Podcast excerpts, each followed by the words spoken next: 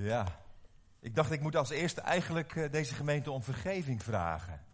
Ja, echt, heel oprecht vergeving vragen. Want ik heb toegestaan dat een jongen uit mijn gemeente een ongelooflijk mooi meisje uit deze gemeente heeft weggekaapt. Ja, mijn excuses daarvoor. En uh, ze zitten nu in Amerika trouwens, dus we hebben nu helemaal niks meer aan ze, hè? Nee, goed. Ja. Voor degenen die me niet kennen, dus ik ben Jan Paul, getrouwd met, uh, met Marijke die daar zit. En uh, ik ben geboren en getogen in een helder, dus helemaal in het noorden. En uh, in een niet-christelijk gezin, echt atheïstisch gezin opgegroeid.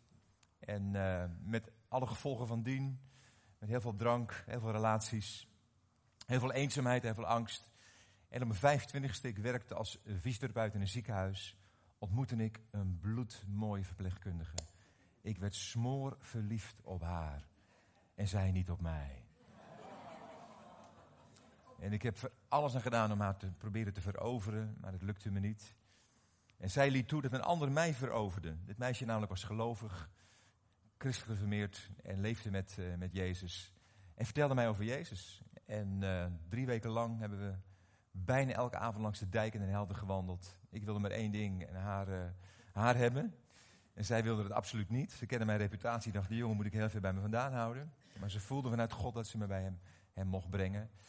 En op 22 augustus 1979, na drie maanden wandelen, ben ik in mijn slaapkamertje op mijn knieën, neerge, op mijn knieën neergevallen. En heb God aangeroepen. En het heeft mijn leven radicaal veranderd. Echt 180 graden omgedraaid. En een dag later heb ik dat verteld aan het meisje die mij uh, bij Jezus gebracht had. En toen vielen de luiken van haar ogen. En toen zag ze hoe geweldig een mooie kerel ik was. Heel lang geleden.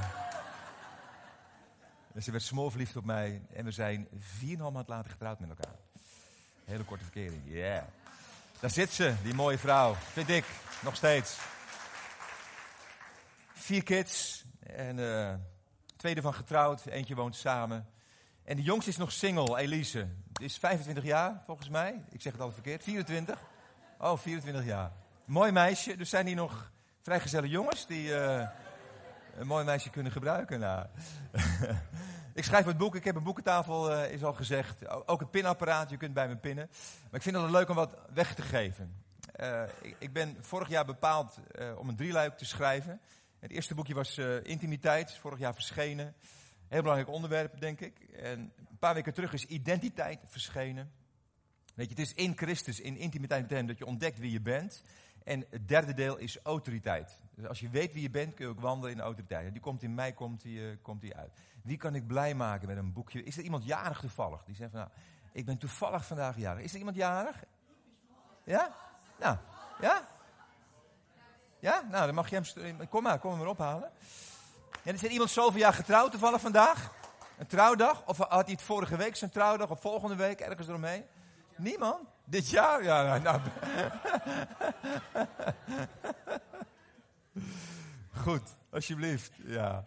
Oké, u mag me opzoeken op Psalm 139. Psalm 100, bekende psalm. En uh, het is altijd leuk, uitspreken vind ik altijd leuk, omdat, ik, je altijd gewoon wil ervaren wat, wat doet God. Ik heb altijd mijn, mijn iPadje bij me en daar zit altijd van alles in. En, uh, maar in de voorbeeld stond, bad een van de meisjes uit de muziekgroep, die, die bad iets over dat we uniek zijn en door God geschapen zijn. En dat raakte me, toen dacht ik, ja, daar moet ik, daar moet ik over preken. Psalm 139, vers 14 en 16 wil ik lezen. En ik lees hem voor uit de HSV, de statenvertaling. Want dat moet ik van Willem Ouweneel. Dat is volgens hem de enige goede vertaling. Ik loof u omdat ik onzagwekkend wonderlijk gemaakt ben. Die eerste uitspraak, daar kun je al bij stilstaan en denken, wat staat daar zeg? Nou, alle waarschijnlijkheid heeft David hè, deze psalm geschreven, dus is eigenlijk iedereen wel over eens. staat er niet bij, maar men, men denkt, David heeft dit geschreven. En die roept hij dus uit, ik loof u omdat ik onzagwekkend wonderlijk gemaakt ben. Je zal het toch van jezelf zeggen? Dat doe je toch niet gauw, laten we eerlijk zijn. Stel je voor dat ik nu tegen u zeg van, ik, ik, ben, ik ben echt man, ik ben zo ontzettend mooi, ik ben, ik ben, ik ben fantastisch man. Echt waar. Ja? Ja, ben ik dat ook? Ja, dankjewel daar. Ja, ja. Dat, dat, doen we niet zo gauw, laten we eerlijk zijn. En David die, die wist dat, die zei, ik ben onzagwekkend wonderlijk gemaakt. Wonderlijk zijn uw werken, dus alles wat u doet, mijn ziel weet dat zeer goed. Uw ogen hebben mijn ongevormd begin gezien en ze alle werden in uw boek beschreven. De dagen dat ze gevormd werden, toen er nog niet één van hen bestond. Nou, dat laatste stukje, daar zegt de message over. is een moderne vertaling, een Engelse vertaling, die ik ontzettend goed vind. U kent mij van binnen en van buiten. U kent ieder botje van mijn lijf. U weet precies hoe ik gemaakt ben, elk klein onderdeel. Hoe ik als een beeldhouwwerk vanuit niets tot iets gemaakt ben. Wauw. Hoe ik als een beeldhouwwerk vanuit niets tot iets gemaakt heb. Paulus zegt eigenlijk hetzelfde als hij een brief schrijft naar Efeziërs, Efeze 2, vers, ik weet niet uit mijn hoofd, vers 10. Want wij zijn zijn maaksel. Wij zijn zijn maaksel. Dan vind ik het woordje maaksel, dat doet me nooit zoveel. Dan heb ik al het idee, iets met klei, weet je. We zijn zo'n maaksel. Maar in de grondtekst staat er zo'n mooi woord. In de grondtekst staat, staat er, daar, wij zijn zijn poema. En dat, dat woord, daar is ons woordje poëzie van afgeleid. En eigenlijk, de Nieuwe een Bijbel vertaalt het ook zo, staat daar, jij bent Gods kunstwerk. En de Nieuwe Living Translation zegt, jij bent zijn meesterwerk. Jij bent zijn meesterwerk. Dat is wat. Misschien is het goed om je even tot je buurman, buurvrouw te keren en even te zeggen, jij bent Gods meesterwerk. Zeg het maar even tegen die ander. Ja. Wordt dan wat gelijk een kippenhok. Ook in Limburg wordt het gelijk een kippenhok. Ho, ho, ho, ho.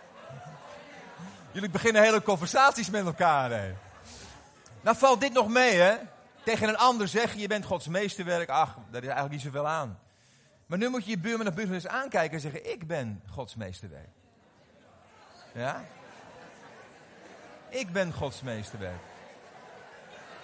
En nu begint weer een heel gesprek hier in Limburg. Het gaat allemaal van mijn tijd af, hè? Come on. Ja. Nou, ik denk dat de meesten jullie het gezegd hebben. En je weet het misschien met je verstand. Maar is het ook doorgedrongen tot je hart? En dit is een probleem bij heel veel mensen. Want je vindt jezelf eigenlijk helemaal niet zo'n meesterwerk, toch?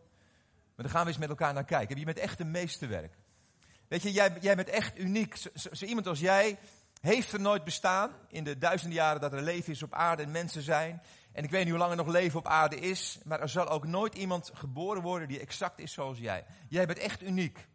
Maar weet je wat het trieste is? Wij worden allemaal geschapen als een uniek wezen. Maar velen van ons sterven als een kopie. Als een kloon. Dat is in en in triest eigenlijk.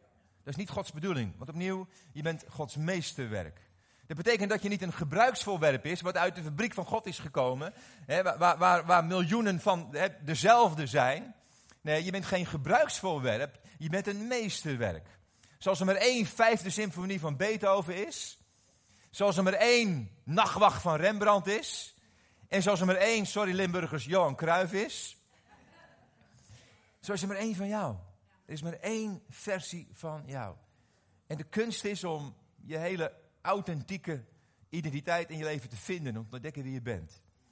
Nou, in mijn boekje over identiteit ga ik wat ruimer in op het begrip uniek zijn. En dan leg ik uit dat we in vier gebieden van ons leven uniek zijn.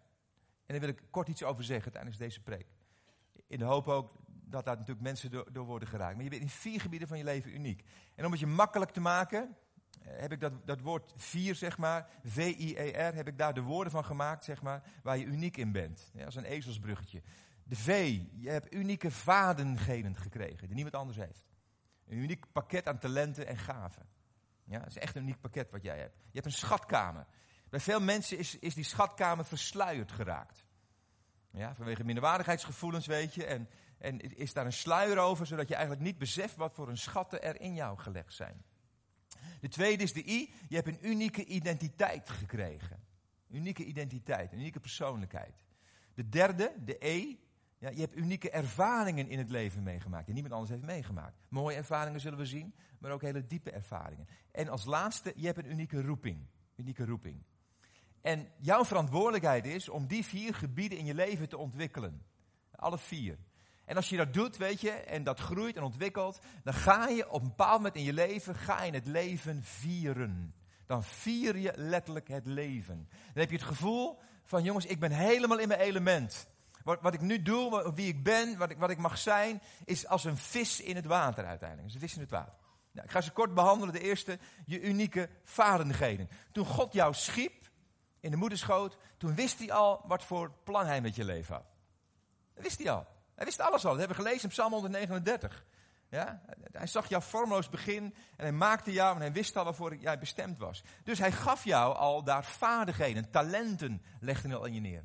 En later, hè, toen je christen werd en vervulde met de Heilige Geest, dan komen er ook nog een keer geestelijke gaven bij. Nou, jouw pakket van vaardigheden en gaven is uniek. En het is jouw verantwoordelijkheid uiteindelijk om te ontdekken wat God jou heeft gegeven. En daarin te wandelen.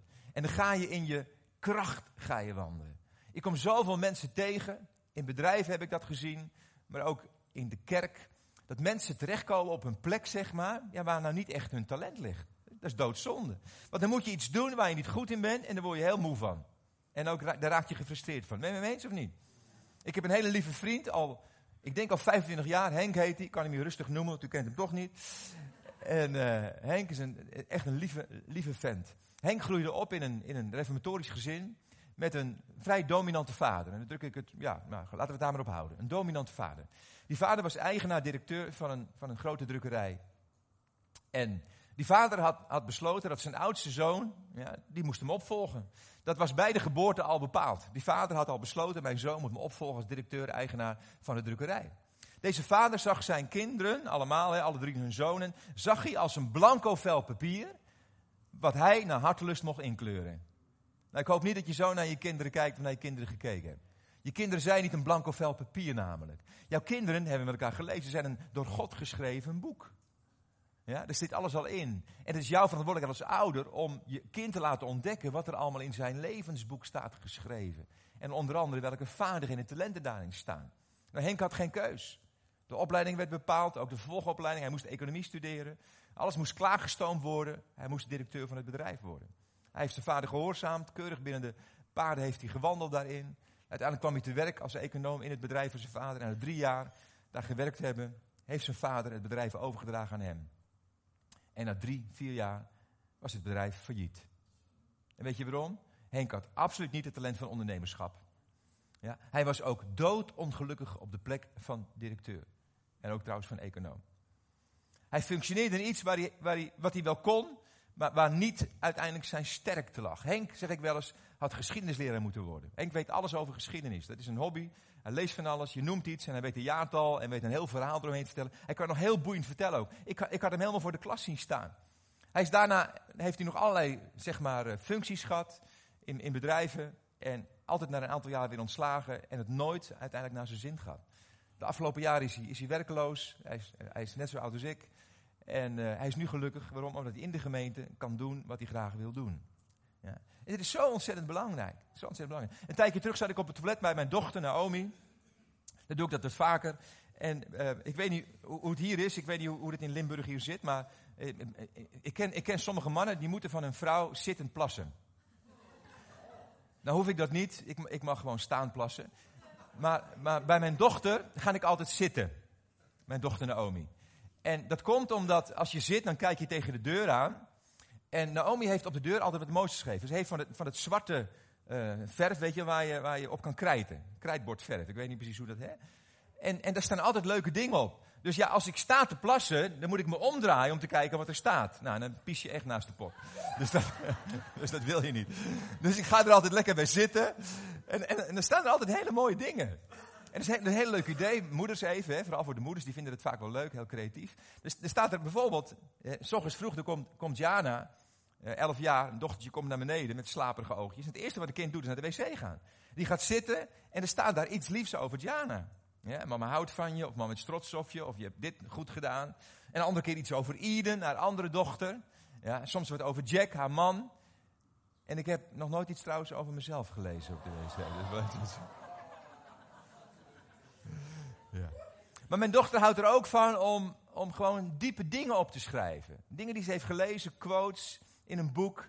En die schrijft ze erop. Een tijdje terug had ze, had ze iets geschreven wat me, wat me raakte. Een hele diepe uitspraak. Het zegt, als je een vis beoordeelt op zijn bekwaamheid om in een boom te klimmen, dan gelooft hij zijn leven lang dat hij een mislukkeling is. En met heel veel mensen gebeurt dat. We laten ze dingen doen die ze niet kunnen. Alsof je een vis in een boom laat klimmen en je voelt je ongelukkig. Nou is het jouw eigen verantwoordelijkheid. De gemeente kan daarin helpen. Ik hoor eens mensen zeggen, ja, maar de gemeente dit en dat. Nou, die, de, gemeente moet faciliteren, vind ik. Maar jij bent zelf verantwoordelijk om jouw schatkamer te ontdekken en ook uiteindelijk te ontwikkelen in je leven. Dat is de eerste. De tweede is je unieke identiteit. Wie, wie ben jij? Wat voor soort mens ben jij? Wat maakt jou authentiek? Wat maakt jou anders dan die ander? Er zijn heel veel boeken geschreven over wie je bent in Christus. En toen ik mijn boekje over identiteit schreef, dacht ik, nou, dat moet ik dus niet doen, je bent in Christus. Ja, dat doe ik in het begin wel even. Maar dat weten we nu wel, wie we zijn in Christus. Maar mijn vraag is, wat maakt mij in Christus nou anders dan Bart in Christus is? Snap je? Wat maakt mij nou uniek? Wat maakt mij nou authentiek? En als je dat ontdekt, als je ontdekt wie je bent, en helemaal jezelf wordt, dan ben je echt vrij. Dan ben je echt vrij. En ik kom heel veel mensen tegen die eigenlijk nog rollen spelen. En dat heeft natuurlijk te maken met het verleden. Dat heeft te maken met je opvoeding. Ik heb zelf ook heel lang een rol gespeeld in mijn leven. Als je ouders hebt hè, die dingen communiceren naar je, die, die niet zo leuk zijn, of die liever hebben dat je anders doet. als kind ga je aanpassen aan wat je ouders graag willen. En heel veel mensen worden iemand die ze eigenlijk niet hadden willen zijn. Dan ben ik best opgevoed in een liefdevol gezin hoor. Maar mijn moeder communiceerde maar één ding naar mij. En dat is Jantje, doe maar niet. Jantje, dat is gevaarlijk. Jantje, pas op. Jantje, Jantje ga, ga maar zo onzichtbaar mogelijk door het leven. Dus ik werd niet echt bevestigd in, in wie ik was. Ik had een hele stille vader die nooit tegen me zei: Jan, ik ben trots op je. Jan, dit kun je goed. Ja, een fijn gezin, een liefdevol gezin. Maar eh, eh, ik ben wel beschadigd daardoor. Ik had totaal geen gevoel wie ik was. Nou is dit nog heel rustig uitgedrukt, maar je, je, hebt, kinderen die groeien op in een gezin. Waar ze echt afwijzing meemaken. Waar, waar ze woorden horen die ik gewoon hier niet wil zeggen. Ja, nou, dat doet wat met je. Dan krijg je het gevoel, weet je, ik mag er niet zijn, dus ik zal maar iemand anders worden. Dat is niet een bewust knopje wat je omdraait, maar langzamerhand, zeg maar, wordt dat kind in jou, wie je werkelijk bent, dat meisje, dat jongetje, wordt ondergedrukt en, wordt, en, ja, sterft eigenlijk. En, en, en je speelt een rol. En dan kom je overal tegen, rollenspel. Ook in de evangelische wereld kom je het heel veel tegen, vind ik. Ook aan de voorgangers, zal heel eerlijk zijn. Een jaar of vier geleden sprak ik in een gemeente, net zoals hier voor het eerst. En ik kende die voorganger nog minder als dat ik, als dat ik Bart ken. Ik, ik had één keer op een leidersontmoeting, had ik even een paar minuten zitten praten. Hij stuurde mij een mailtje of ik wilde spreken. Die gemeente bestond uit zo'n 250 volwassenen. Flinke gemeente. En hij was al een jaar of 15 voorganger. Had een boek geschreven. En ik dacht gewoon, het is een man die, ja, hij was half 40. Die wil, die wil weten wie hij is. Daar ging ik vanuit. Uit een goede uitstraling, dacht ik. En ik spreek in zijn gemeente zoals ik hier spreek voor het eerst. En ik doe een uitnodiging en er kwam van alles kwam los bij mensen. Dus mensen kwamen huilend naar voren toe. En ik had niet met hem gecheckt wat te doen bij, bij de uitnodiging. Hij, hij zat, zeg maar, waar die mevrouw daar zit. Daar zat hij, ik keek hem aan en ik zei, joh, kun je komen? Met de oudste gebedsteam. Ik zei, ik weet niet hoe het hier werkt. En, zodat we kunnen bidden. Hij bleef zitten. En allerlei andere mensen stonden op. En ik weet nog dat ik dacht, hij heeft zeker een ATV-dag. Dat kan. Op zo'n moment kan je dat denken. Ik ging de bediening in en, en bidden met mensen. En tien minuten, kwartier bezig geweest. En de andere was klaar. En ik, ik liep naar mijn, naar mijn plaats. En ik zat naast die voorganger. Dus ik, ik liep naar hem toe. En ik kom dichterbij. En ik zie dat zijn wangen nat zijn van de tranen. Hij kijkt me aan en zegt, je hebt me geraakt. Ja, dat zie ik. Hij zegt, kunnen we een afspraak maken? Ik zeg, joh, je overvalt me even. Ik zeg, vind je het goed dat we maandag even mailcontact hebben? Ik zeg, ik heb geen zicht op mijn agenda. Wil je snel? Hij zegt, heel snel. Dus ik zou kijken, joh. Maandag heb ik gekeken, ik kon een dagdeel vrijmaken. Tegenwoordig maak ik soms wel een, een, dag maak ik vrij voor een leider, als ik een leider ontmoet. En toen had ik nog een dagdeel. Ik denk, nou, dat moet wel genoeg zijn. Nou, dat was net aan genoeg. En hij, komt op gesprek en, en, en, we zitten met elkaar. Je begint over koekjes en kalfjes te praten. Maar een kwartier dacht ik, nou, ik, ik, ik moet gelijk maar to the point worden. En ik zei tegen hem, joh, je, je zei dat je geraakt was. En wat, wat in mijn preek heeft je geraakt? Weet je wat hij zei? Hij zei, je preek heeft me niet geraakt, zei hij. Oh, dat wil je niet horen als spreker. Hij zegt, je preek heeft me niet geraakt. Hij zegt, jij raakte me. Ik begreep het niet. Ik zeg, wat bedoel je? Hij zegt, jij raakte me, zei hij. Hij zegt, toen ik jou zag staan en bezig zag, je zag bewegen. Toen dacht ik, die vent is helemaal zichzelf, zei hij. Toen begon hij te huilen. Hij begon te huilen. Hij zei, daar ben ik zo ver vandaan. Hij zei, mijn leven lang speel ik al rollen. Mijn leven lang speel ik rollen. En terwijl hij huilde, zei hij, Jan, ik ben er zo ontzettend moe van. Zo moe van. Het raakte me. Ik begon mee te huilen. Ik heb een hart voor leiders. Dus ik liep naar hem toe en mag ik even? En ik knielde bij hem neer. En ik pakte zijn hoofd tegen me aan. En ik huilde met hem in mijn armen. En terwijl ik zo met hem huilde, zei ik tegen hem: Joh, je moet eens weten wat voor weg ik ben gegaan om mezelf te worden. Ik heb mijn ui-gevoel die, die schil voor gepeld is en iedere keer weer tranen. Zeg, en ik wil jou helpen op jouw reis, weet je, om jezelf te ontdekken. En op die manier bad ik met hem. Na afloop was mijn overhemd niet alleen nat van de tranen, maar ook van de snot. Hij snotterde echt in mijn, uh, in arm.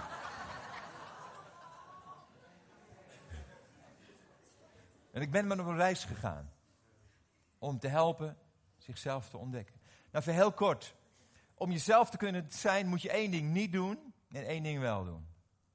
Heel kort door de bocht. Er zijn nog veel meer dingen, maar ik, ik, ik, noem er slechts twee even.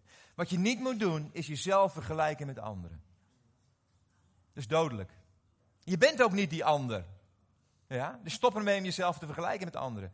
Weet je, als je jezelf vergelijkt met anderen, ik kan je voorspellen, je vindt altijd wel iemand die intelligente, die rijke, succesvolle, ja, weet ik wat is dan jij. Ja, dat moet je niet doen. Je bent niet die ander, jij bent jijzelf. Loesje zei eens, ja, wees jezelf, er zijn er zoveel anderen. Dus wees jezelf. Dus vergelijk jezelf niet met anderen. Denk je nou echt dat als jij voor de troon van God komt, dat God tegen je zou zeggen: van joh, waarom was je niet meer als moeder Teresa? Waarom was je niet meer als Billy Graham? En weet je wat God zal zeggen tegen je? Waarom was je niet meer jij? Weet je, als je niet in je unieke identiteit wandelt, kun je ook niet in je unieke bestemming komen. Wist je dat? Want God heeft jouw unieke identiteit nodig in je unieke bestemming. Daarom heeft hij jou dat karakter gegeven. Dus daar moet je zien te wandelen. Dus je moet jezelf niet vergelijken met anderen. Wat je wel moet doen, is van jezelf houden. Je moet echt van jezelf houden om jezelf te kunnen zijn. Echt waar. En dat vinden veel mensen moeilijk. Met name christenen vinden het moeilijk. Want we hebben altijd het idee dat van jezelf houden dat het egoïstisch is, toch? Wees eerlijk. Een beetje egoïstisch. Als je met jezelf houdt, nou, een beetje narcistisch. Uh, hè? Maar zal ik je wat vertellen? Je wordt juist een egoïst als je niet van jezelf houdt. Ik ga het uitleggen hoor. Je wordt echt een egoïst als je niet van jezelf houdt. Want als je niet van jezelf houdt, heb je anderen nodig om jouw waarde te geven. Om jou te bevestigen. Snap je dat? Je wordt een nemer. Je wordt een egoïst. Het leven draait om jou. En als je van jezelf houdt, dan kun je een gever zijn. Je weet wie je bent. Je hoeft niet te nemen, je kunt geven. Van je houden is zo ontzettend belangrijk. Jezus zegt het zelf ook trouwens, hè? dus ik spreek ook Bijbelse taal hoor. Jezus zegt, het grootste gebod is, we moeten God liefhebben boven al, hè? met heel ons hart, ziel, nou, alles al. En je naaste hoe? Als jezelf. Je kunt niet echt van een ander houden als je niet eerst van jezelf houdt. Daarom zijn zoveel huwelijken, zoveel problemen. Mensen houden niet van zichzelf. Dus, dus, dus ze worden emotioneel afhankelijk van die ander. Dan krijg je twee mensen die nemen in hun huwelijk, dan krijg je problemen. Daarom gaan heel veel huwelijken stuk. Omdat we nemen en niet geven. We weten niet wie we zijn. Het begint bij, je moet houden van jezelf. Nou, ik kan alleen maar van mezelf houden als ik besef hoeveel God van me houdt. Daar begint het. Daar begint het. Daarom heb ik ook mijn boekje Intimiteit als eerste geschreven. Als ik besef hoeveel God van me houdt, dan kan ik ook leren van mezelf te houden. Want ik, ik heb het best ingewikkeld gevonden om van mezelf te houden. Daar zal ik heel eerlijk in zijn. Maar ik kan vandaag zeggen, ik hou van mezelf. En van jezelf houden betekent ook dat je tevreden bent met jezelf. Ik ben ontzettend tevreden met mezelf. Echt waar. Ik vind ik een mooi lichaam heb. Misschien jij niet, maar ik wel. Ja. mooi is ook trouwens een heel relatief begrip. Hè? Wat, is, wat is nou schoonheid? We zijn zo bezig met schoonheid, weet je. En we laten ons de wereld bepalen wat schoonheid is. Nou, schoonheid is zo tijdgebonden. Laten we eerlijk zijn, eh, eh, eh, ga eens het Rijksmuseum in en kijk eens naar de schilderijen van bijvoorbeeld Rembrandt van Rijn, waar ik het over had. En die, die schilderden in die tijd de mooie vrouwen van die tijd. En wat voor vrouwen waren dat, de mooie vrouwen van die tijd? Dat waren allemaal mollige vrouwen. Dat was toen het schoonheidsideaal. Ja, echt. Mollige vrouwen. Ja. Weet je, de, de ellende is gekomen met, met een fotomodel in de jaren 60. Ik weet het nog precies. Twiggy, ik weet niet wie, wie er gekend heeft. Ja, dat was de eerste broodmagere. Hè, en dat werd opeens het, het model. En iedereen wilde, wilde, wilde super, super, super slank. Dan geloof ik dat het goed is om gewoon gezond te leven en niet, niet te dik te worden. Hou me wel. Ik heb, ik heb, ik heb Surinaamse vrienden heb, heb, ik, heb ik gehad, hè, met mensen die ik ken. Als ik aan een Surinaamse man vraag, joh, wat is voor jou de ideale vrouw? Nou, dan moet ze een flinke billenpartij moet ze, uh, moet, ze hebben. Ja, dat is voor hem schoonheidsideaal. Dat is allemaal zo relatief. Ja? Je bent mooi omdat God je geschapen heeft. Amen. En dan, dan, ga ik even iets zeggen. Ik ga, even, ik ga je even pijn doen. Dus als je dat niet wil, moet je nu weglopen. Maar ik ga je even echt, echt pijn doen. Ja. Weet je, als je niet tevreden bent over jezelf, Dan zeg je eigenlijk tegen je schepper, u heeft het niet goed gedaan. Ik had een ander lichaam moeten hebben. Ik had een ander karakter moeten hebben. Ik had andere gaven en talenten moeten hebben. Ik ben niet tevreden. U heeft het niet goed gedaan. Dat is wat je zegt. Dat is wat je zegt. Terwijl als je zegt, Heer, ik ben tevreden over mezelf, communiceer je naar God. Heer, u heeft het goed gedaan. Ik ben een meesterwerk. Daarom wil ik u zeggen, ik ben een meesterwerk. Hier, zo kijkt u naar mij. Ik was een keer in een, in een, in een, in een oudste, oudste bijeenkomst, en, een jaar of vier geleden. En weet je, ik zat ook nog in een ontwikkeling en, en, en opeens ja, gebeurde wat in me tijdens, tijdens die, die, oudste bijeenkomst. Iemand was, was heerlijk keyboard aan het spelen. We waren in de tegenwoordigheid van God. We waren met een man of acht waren we. En, en terwijl we zo liepen en opeens liep ik het uit. Jongens, zei ik, ik ben zo verrukt over mezelf. Ik ben zo verrukt over mezelf. En het sloeg een beetje dood. En ik, ik, ik hoorde ze denken, oh, nou, het, nou gaat het mis met Jan. Nou is hij narcistisch geworden. Ja? En ik zei, jongens, weet je, God is verrukt over mij. Wie ben ik om dat te ontkennen? Als God verrukt over me kan ik toch ook over mezelf verrukt zijn? Ik ben blij met mezelf. Weet je, bij heel veel mensen zijn er eigenlijk twee versies. Ja, de versie zoals God je bedoeld heeft en de versie die je geworden bent. Maar je bent nooit te oud om jezelf te worden. Er is altijd genezing is er mogelijk. Het heeft bij mij lang geduurd, vind ik zelf. Maar ik ben heerlijk mezelf geworden. Nummer drie, gaat het nog? De, de, de E, weet je het nog? Je unieke ervaringen. We hebben allemaal mooie dingen gemaakt, meegemaakt en we hebben moeilijke dingen meegemaakt. Allemaal zoals we hier zitten. Die mooie dingen, ja, dat vinden we niet zo ingewikkeld. Maar die moeilijke dingen, weet je. En de kunst is om die moeilijke dingen zo om te vormen en te benutten. Zodat God daar wat goeds mee kan doen uiteindelijk. Ja, en je daardoor je toekomst in bezit kan nemen. Dat is de kunst. Maar hier, hier, hier stagneert het bij heel veel mensen. Heel veel mensen leven continu nog met de pijn van het verleden. Waardoor je nooit de toekomst in bezit kunt nemen. Wist je dat? Je zult het verleden moeten verwerken, wil je je toekomst in bezit kunnen nemen. Dat is een belangrijke sleutel. En we maken opnieuw allemaal pijnlijke dingen mee. Ook ik, ik heb pijnlijke dingen in mijn leven meegemaakt. Ik heb in mijn puberteit ongelooflijk pijnlijke dingen meegemaakt. Als elfjarige jongen al ben ik seksueel misbruikt. Ik heb een hele zware burn-out meegemaakt. Het gaat je niet in de, in de kleren zitten. Ja, ik, heb, ik heb maandenlang in de koude kleren noemen ze dat. Maandenlang angst- en paniekaanvallen gehad. Ik dorst niks meer. Ik dorst de straat niet meer op. Ik zat een beetje in een hoekje van de kamer. En uh, mijn vrouw is, is een periode van twee jaar lang, vier jaar geleden, is, is, is, is, is ziek geweest. Waardoor ik er zeven maanden lang heb moeten verzorgen op een hoog laagbed in de kamer. Dus je maakt, je maakt mooie dingen mee, je maakt moeilijke dingen maak, maak je mee. Maar wat doe je met die moeilijke dingen? Wat doe je met die moeilijke dingen? Ja. En opnieuw, als je, als je gisteren niet verwerkt hebt, dan kun je morgen uiteindelijk niet in bezit nemen. En de kunst is om de pijn van het verleden om te zetten in een passie uiteindelijk. Om die negatieve ervaring te gebruiken en daar iets moois van te maken. Weet je, als mensen stenen naar je gooien, kun je een aantal dingen doen. Je kunt, je, kunt, je, kunt, je kunt jezelf gaan lopen beklagen. Oh, mensen gooien naar mij. Hè? Oh, ik ben zielig. Weet je, zo, zo, kun je naar kijken. Je kunt ook stenen teruggooien, doen ook mensen. Hè? Je kunt ook zeggen voor die steen, dankjewel. Je kunt iets moois gaan bouwen van die stenen die mensen naar je toe gooien. Dat is wat Jozef deed. Ja? Hij werd met stenen aan gooien door zijn broers. Hij gooide niet terug. Hij begon niet te jammeren. Hij zei, oh, dit zijn mooie bouwstenen. Daar kan ik mijn leven op voortbouwen. Ik geef je één voorbeeld. Prachtig voorbeeld van Wes. Waar gebeurt het verhaal? Je gaat straks begrijpen wie het is, maar dat verklap ik nog niet. Ik noem hem even Wes. Wes groeide op in een zendelingengezin. Amerikanen. Zijn ouders waren zendelingen in die voorkust. En uh, Wes heeft een groot deel van zijn jeugd doorgebracht op, op een kostschool, een christelijke kostschool, internaat, hoe je dat ook wil noemen. In een naburig land. Samen met zijn zus. Vanaf zijn zesde tot zijn twaalfde verbleef hij negen maanden van het jaar op dat internaat. En de rest bij zijn ouders in die voorkust. En hij was daar met, met 70, 75 andere zendelingenkinderen. Allemaal uit de Afrikaanse landen, uit naburige landen. En deze zendelingenouders wilden maar één ding, een goede plek voor hun kinderen. Dat begrijp je? Ik bedoel, negen maanden lang moet je kinderen achterlaten, wil je een veilige plek hebben. Dus het was een christelijke kostschool met een christelijke directeur, christelijke docenten, christelijke kokken, alles was christelijk. Maar christelijk zegt niet zoveel, bleek achteraf. Want het bleek de meest afschuwelijke plek te zijn voor deze kinderen die er op aarde was. Deze kinderen werden continu, jarenlang, werden ze, werden ze geestelijk, fysiek, maar ook seksueel misbruikt. Uiteindelijk is dat naar, naar boven gekomen. En, en Wes is, is de eerste geweest, zeg maar, die op zijn elfde uiteindelijk huilend aan zijn moeder vertelde over de dingen die daar gebeurden. Weet je waarom ze niet dorsten, die kinderen? Ze werden gemanipuleerd, het gebeurde. En er werd gezegd, als wat hier gebeurt in deze school buiten de muren komt, is het het einde van de zendingscarrière van je ouders. Ja? Nou, dat wil geen kind op zijn geweten hebben.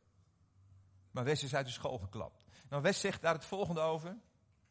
Over die tijd. Mijn leven in die zendingsschool is een verhaal geweest van fysiek, seksueel en geestelijk misbruik.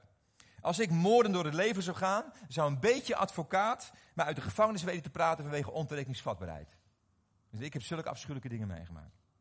Het is Gods genade dat ik op een gekke manier bruikbaar ben in het koninkrijk van God. Het vermogen om te vergeven is de sleutel geweest. En dan zegt hij het volgende. Dat moet je niet idealiseren hoor. Daar moet je niet al te romantisch over denken over hoe hij vergaf. Hij zegt, ik constateerde dat mijn belagers bezit hadden genomen van mijn hart. Ze woonden in mij, maar betaalden geen huur.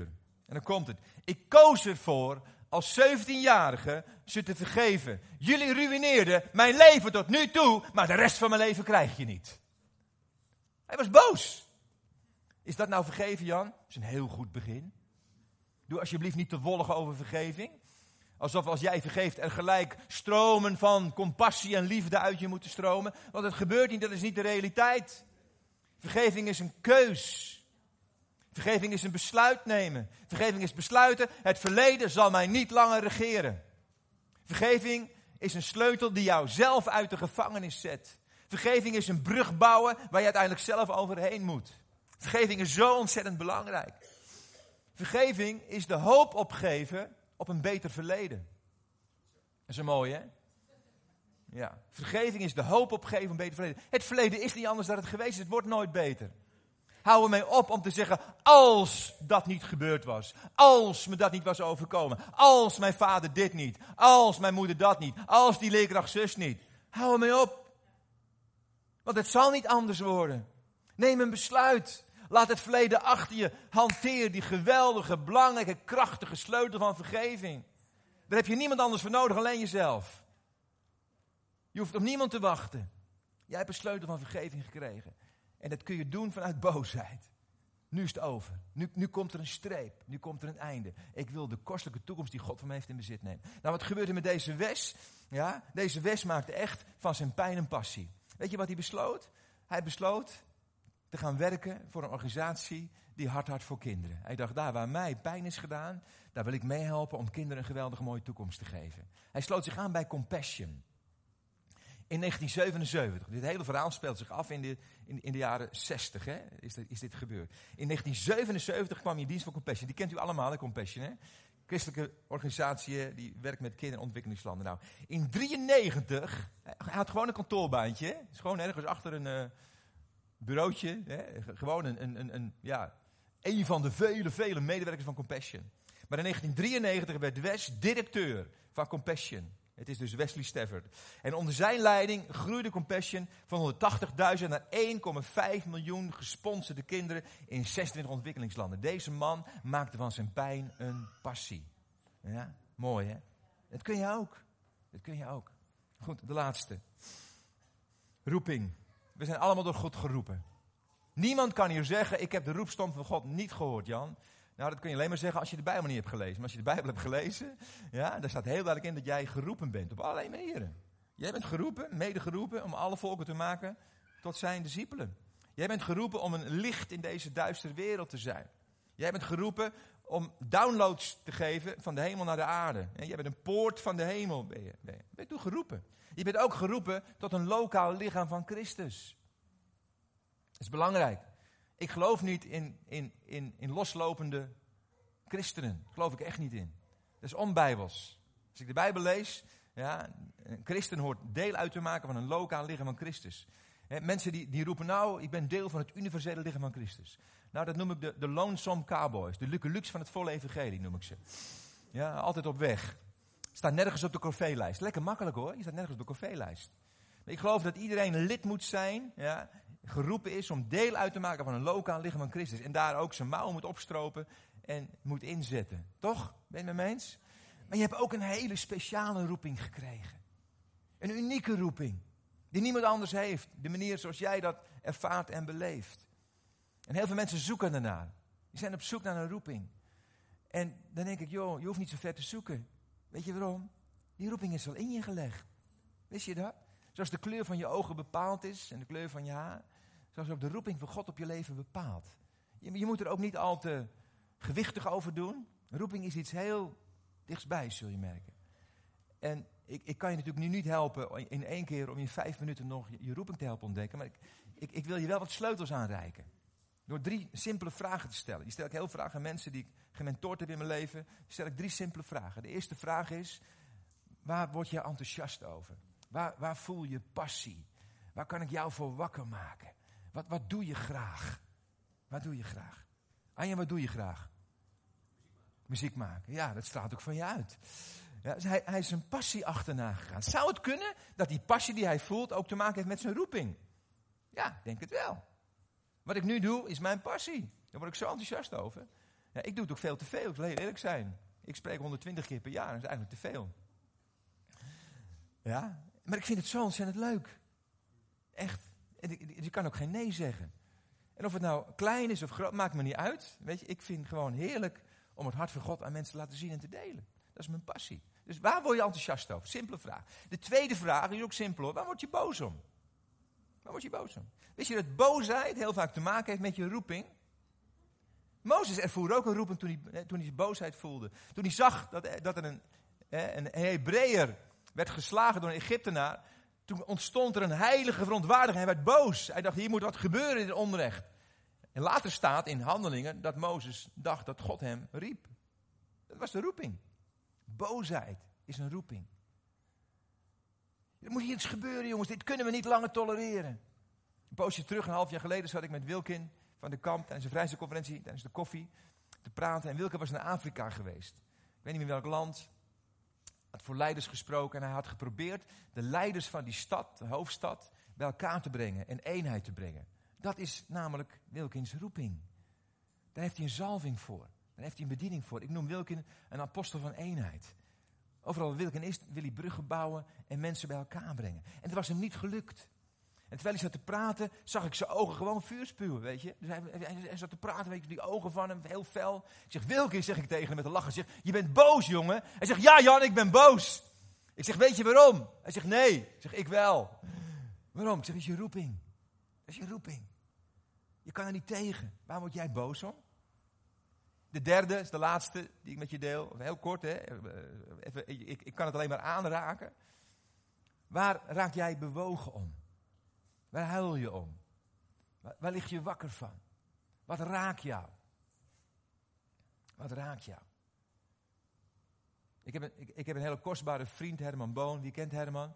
Allemaal? Wie kent Herman niet? Heel weinig mensen. Ja. Herman is, is mijn eerste discipel. En alles wat je voor het eerst doet, dat mislukt. Dus sorry, het is mijn schuld. Ja, elke koekenpan, elke, uh, hoe noem je dat nou, pannenkoek die je bakt. De eerste mislukte ook. Herman is ook een... Nee, is gekheid. Herman is zo'n fantastisch knul. Herman is mijn beste vriend. En als je met Herman bidt voor het verlorene, dan huilt hij. Ik heb nog nooit om het verlorene gehuild. Nog nooit. Wie nog meer niet? Wees eens eerlijk. Anderen wel? Echt huilen op je knieën voor het verlorene? Nou, er zitten hier heel veel evangelisten. Ik voelde me schuldig om. Zodat God me iets liet zien. God zei tegen mij, Jan, dat Herman huilt heeft te maken met zijn roeping. Ik heb hem geroepen als een evangelist. Een evangelist heeft hart voor het verloren. En toen vroeg God, God aan mij, Jan, waar huil jij om? Nou, dat kon ik gauw vertellen aan hem, waar ik om huil. Ik kan huilen om de toestand van de kerk. Ik heb in de afgelopen twintig jaar zo'n 15 kerken in crisissituaties geholpen, grote en kleine kerken. En dan lag ik te huilen. Vanwege de toestand van de kerk. Waarom? Dat is mijn roeping. Ik ben een gemeentebouwer. Ik wil graag dat er mooie, gezonde kerken zijn. Waar die mensen die, die David de Vossen en, en, en Herman Boons tot geloof komen. Ja, in, in gezonde gemeentes terechtkomen. Dat is, dat is mijn hart. Kennen jullie Martin Korenstra? Ja? Weet je waar Martin om huilt? Wie heeft wel eens een genezingscampagne meegemaakt met Martin? Dan huilt hij. Martin is altijd bewogen. Bewogen om zieken. Nou, ik niet, zal heel eerlijk zijn. Ja, als mijn vrouw ziek is, dan huil ik. Maar ik huil niet om een wildvreemde die ziek is. Martin wel.